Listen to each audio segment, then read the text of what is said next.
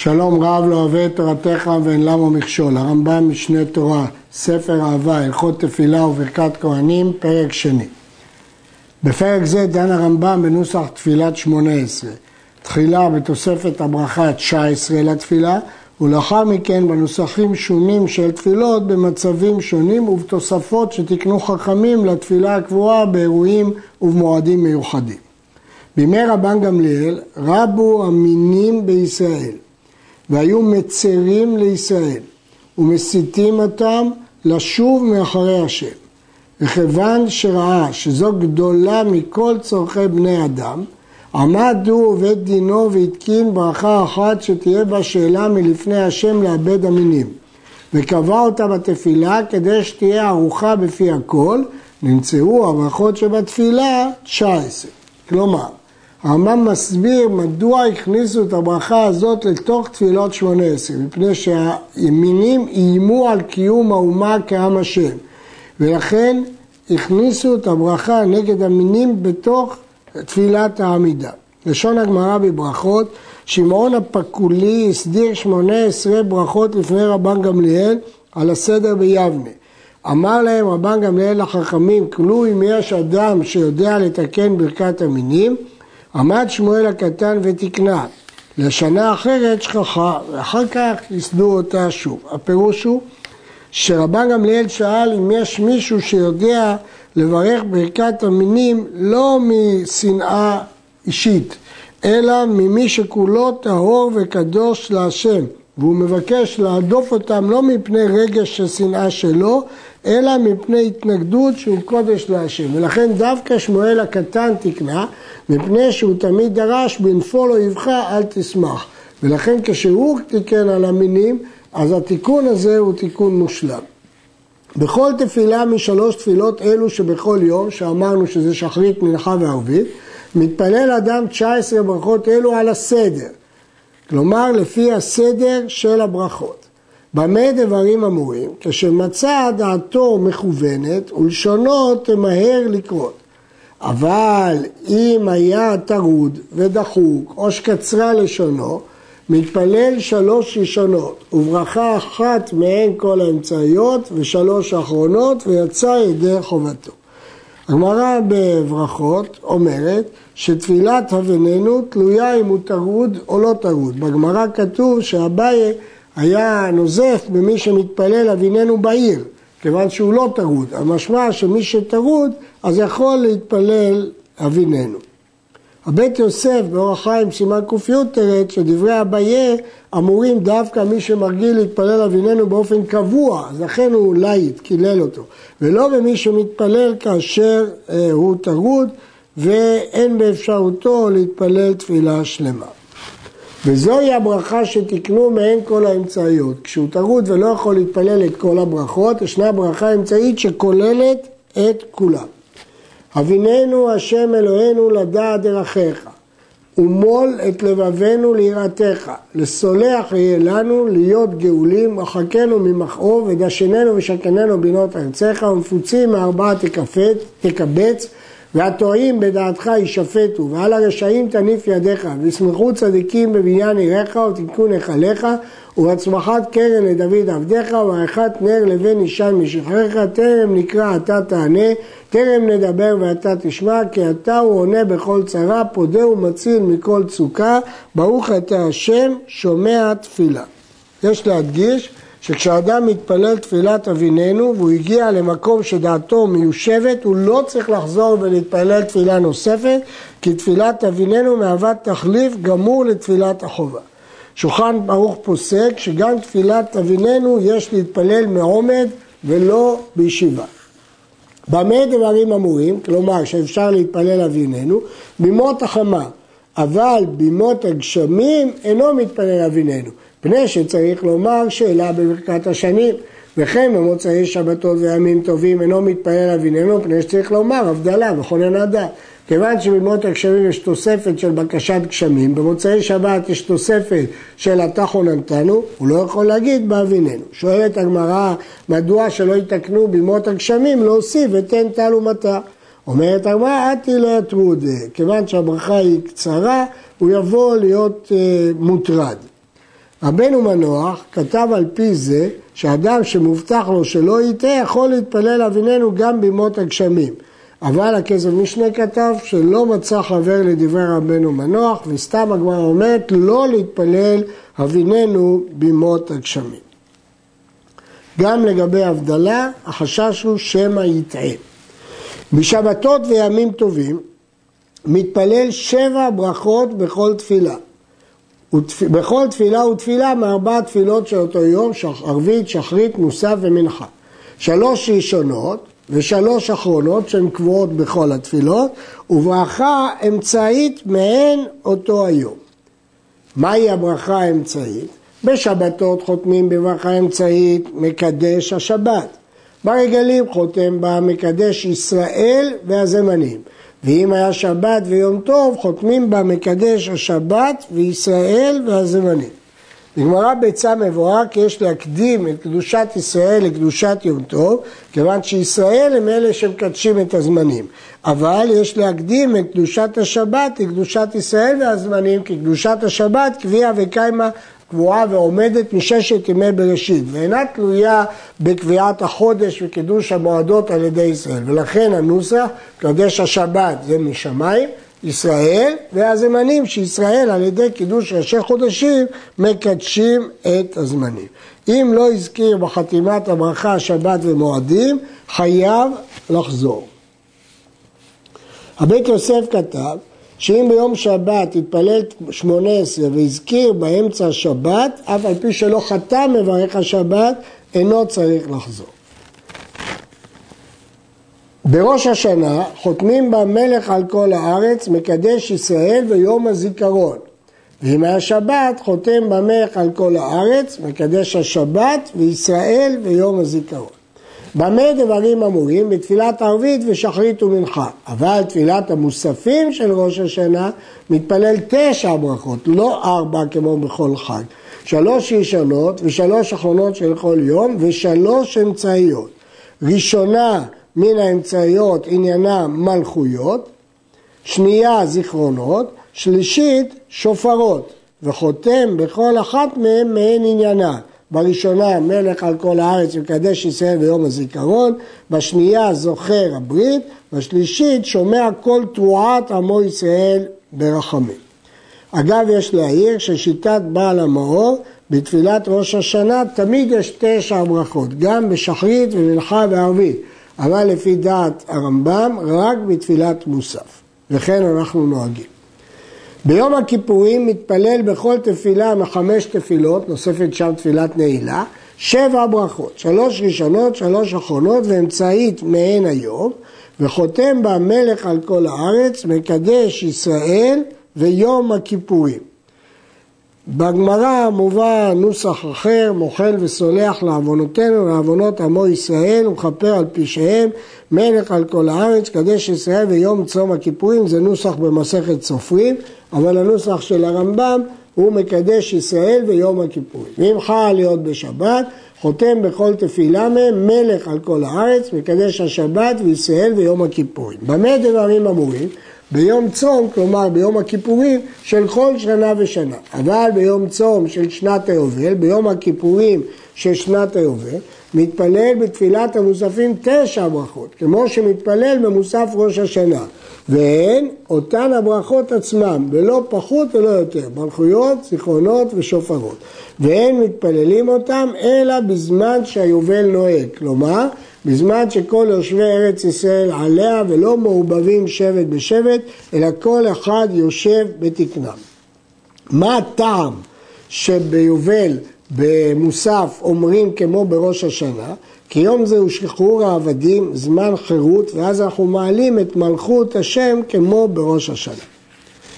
בכל תפילה מן התפילות פותח קודם לברכה ראשונה ואומר השם שפתיי תפתח ופי יגיד תהילתך, פסוק של לקוח מתהילים נ"א, וכשהוא חותם בסוף התפילה אומר יהיו לרצון עם רפי והגיון ליבי לפניך השם צורי וגואלי. גם זה פסוק שלקוח מתהילים פרק י"ט, ואחר כך צועד לאחריו. ובכן הפתיחה הזאת היא בקשת רשות מהשם שיהיה לנו כוח וזכות להתפלל והחתימה היא הודיה ובקשה שהתפילה תעלה לרצון. הגמרא במסכת ברכות מסכמת שאין בכך משום הפסק בין גאולה לתפילה, שכיוון שתקנו כחכמינו בתפילה, הרי זה חלק מהתפילה עצמה. בשולחן ערוך סימן קכ"ב וברמה שם מוסיף יהי רצון ואלוהי נצור, תפילות מיוחדות ונדבר על זה בהמשך. בראשי חודשים ובחולו של מועד מתפלל ערבית, שחרית ומנחת 19 ברכות תשעה ימים, אין שינוי בין כל יום מלבד, ואומר בעבודה, כלומר בתפילת המחזיר שכינתו לציון, רצה, מוסיף, אלוהינו ולא אבותינו יעלה ויבוא. הנוסח המלא מופיע בסדר התפילות של הרמב"ם. במוסף, בחולו של מועד, מתפלל תפילת מוסף כמו שמתפלל ביום טוב. ובראשי חודשים מתפלל שבע ברכות, שלוש ראשונות ושלוש אחרונות, ואמצעית מעין קורבן ראש חודש, חותם בה מקדש ישראל וראשי חודשים, כי ישראל מקדשים את החודש. שבת שחלה להיות בחולו של המועד, וכן ראש חודש שחל להיות בשבת, מתפלל ערבית, שחרית ומנחה שבע ברכות כשאר השבתות, ואומר יעלה ויבוא בעבודה, בגלל המועד. במוסף מתחיל בברכה אמצעית בעניין שבת, ומשלים בעניין שבת, ואומר קדושת היום באמצע הברכה, וחותם בה בראשי חודשים, מקדש השבת וישראל וראשי חודשים. ובחולו של מועד חותם בה כמו שחותם ביום טוב שחל להיות בשבת, כבר אמרנו, מקדש השבת וישראל והזמנים. בדין זה נחלקו התנאים, לדעת בית שמאי ביום טוב שחל להיות בשבת, מתפללים שמונה ברכות, ברכה נפרדת לשבת וברכה נפרדת ליום טוב. אבל לדעת בית הלל מאחדים את ברכת שבת ויום טוב לברכה אחת, שיש בה חתימה אחת, וכך הלכה וכך פסק הרמב"ם. ביום טוב שחל להיות באחד בשבת, מתפלל ברכה רביעית בלילה ככה, כדי להוסיף נוסח של הבדלה. ותודיענו משפטי צדקיך, ותלמדנו לעשות חוקי רצונך, ותיתן לנו השם אלוהינו קדושת שבת וכבוד יום טוב וחגיגת הרגל, ובין קדושת שבת לקדושת יום טוב הבדלת, ואת יום השביעי הגדול והקדוש קידשת, ותיתן לנו השם אלוהינו מועדים לשמחה. ומוצאי שבת ומוצאי יום טוב של כל השנה מבדיל באתה חונן, אף על פי שהוא מבדיל על הכוס. חיוב ההבדלה התבהר במשנה בברכות ונחלקו שם תנאים היכן מזכירים אותה. תנא קמא אומר שהבדלה בכונן הדעת כי הם דעת הבדלה מניין וכך אנחנו נוהגים. רבי עקיבא חולק וגורש שהיא צריכה ברכה בפני עצמה ורבי אליעזר סובר שמזכירים בהודאה אבל הלכה כדעת תנא קמא. בגמרא אמרו שבתחילה קבעו שההבדלה תהיה רק בתפילה, אחר כך כשהשאירו תקנו להבדיל על הכוס, אחר כך כשהענו חזרו וקבעו בתפילה אבל לא ביטלו על הכוס. משמע שנשארו לנו אה, שני חיובים בהבדלה. הבדלה בתפילה שעניינה בהתרת איסור מלאכה והבדלה על הכוס שהבדלה ממאכלי שבת ולכן היא נעשית על כוס של יין. זאת דעת הרב סולובייצ'יק בספרו שיעורים לזכר אבא מרי, קידוש והבדלה.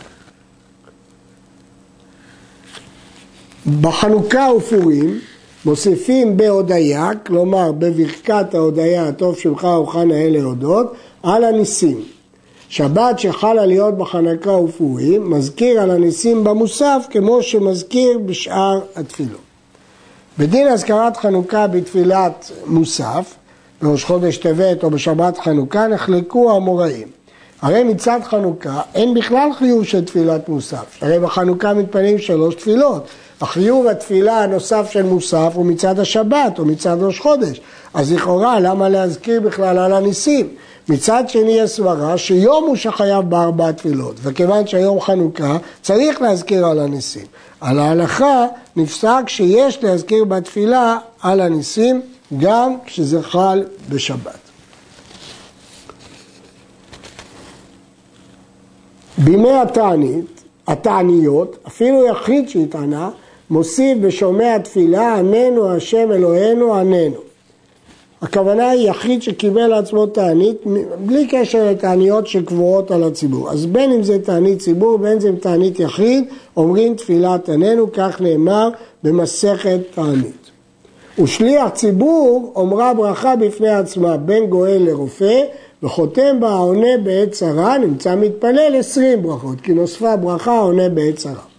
בתשעה באב מוסיפים בבוני ירושלים רחם השם אלוהינו עלינו ועל ישראל עמך ועל ירושלים עירך העיר האבלה החרבה שוממה. מקורה של תפילת נחם איננה בתלמוד הבבלי, הריף בסוף מסכת תענית הביא אותה בשם הירושלמי. מדברי הרמב"ם נראה שתפילת עננו ותפילת נחם נאמרות בכל התפילות, שחרית, מנחה וגם במנחה, וייתכן שגם בערבית. הראש במסכת תענית מביא את מנהג האשכנזים לומר נחם דווקא במנחה, והוא מתפלא על זה. למה נהגו שאין אומרים אלא בתפילת מנחה?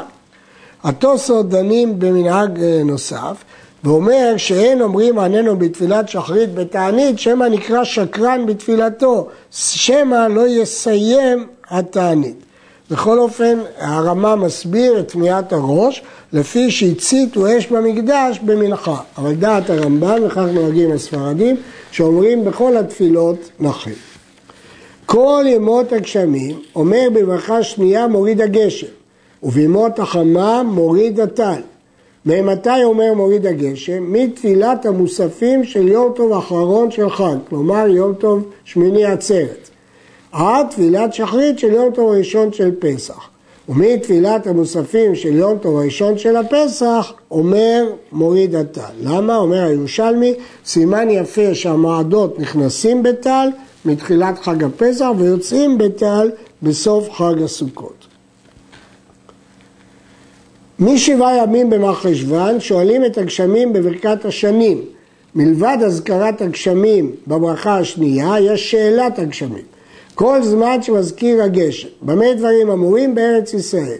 אבל בשנער ובסוריה, שנער זה בבל, ובסוריה ובמצרים, מקומות הסמוכות האלו והדומים להם, שואלים את הגשמים ביום שישים אחר תקופת תשרה. השנה מתחלקת לארבע תקופות לפי מסלול השמש ולפי ימי השוויון והיום הגדול ביותר, הקטן, הקצר ביותר ושני ימי השוויון. אז הגמרא בתענית נפסקה על ההלכה שיום שישים כלאחר שישים, כלומר כבר ביום שישים מתחילים את הגשמים. לפי האסטרונומים תקופת תשרי היום היא 23 בספטמבר למניינם. מקומות שהם צריכים לגשמים, בימות החמה, כגון איי הים הרחוקים, שואלים את הגשמים בעת שצריכים להם בשומע התפילה. אז הם שואלים בשומע התפילה ולא בשאלת הגשמים הרגילה.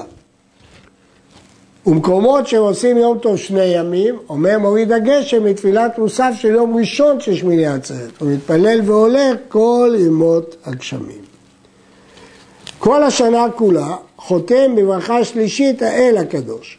ובברכת אחת עשרה מלך אוהב צדקה ומשפט. ובעשרת הימים שמראש השנה עד מוצאי יום הכיפורים חותם בשלישית המלך הקדוש ובאחת עשרה המלך המשפט.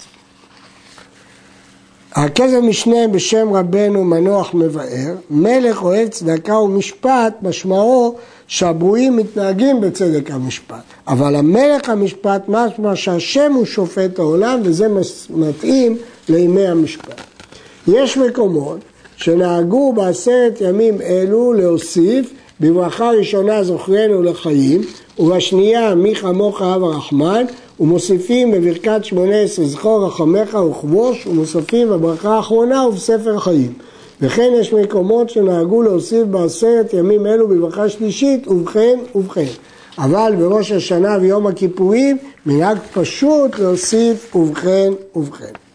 הוויכוח על התוספות הללו הוא מפני שיש הלכה שלא שואלים בקשות וצרכים בברכות ראשונות וברכות אחרונות שמיוחדו לברכות שבח והודאה. אבל אלה שנוהגים שכן לומר אותם הם מפני שצורכי רבים מותר לשאול ומותר אה, להוסיף.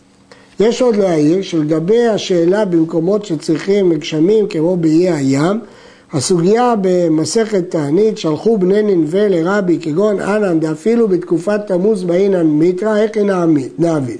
האם להגיד בשומע תפילה או בברכת השנים? והוא ענה להם בשומע תפילה, וכך פסק הריב וכך פסק הרמב"ם. לעומת זאת, הראש בתשובה, אה, כלל ד' סימן י', יש לו דעה אחרת, הוא אומר שאם זה ארץ רחבת ידיים כמו ארץ אשכנז ולא ננבה, ניתן לקבוע בה זמני שאלה קבועים אחרים. אבל להלכה נוהגים כמו הרמב"ם. יש גם רמב"ם בפירוש המשנה, שמשמע ממנו שבארץ רחבה הדין הוא שונה, הכסף משנה חולק על הראש בפירוש דברי הרמב"ם, ושיטת הראש לא התקבלה להלכה. עד כאן.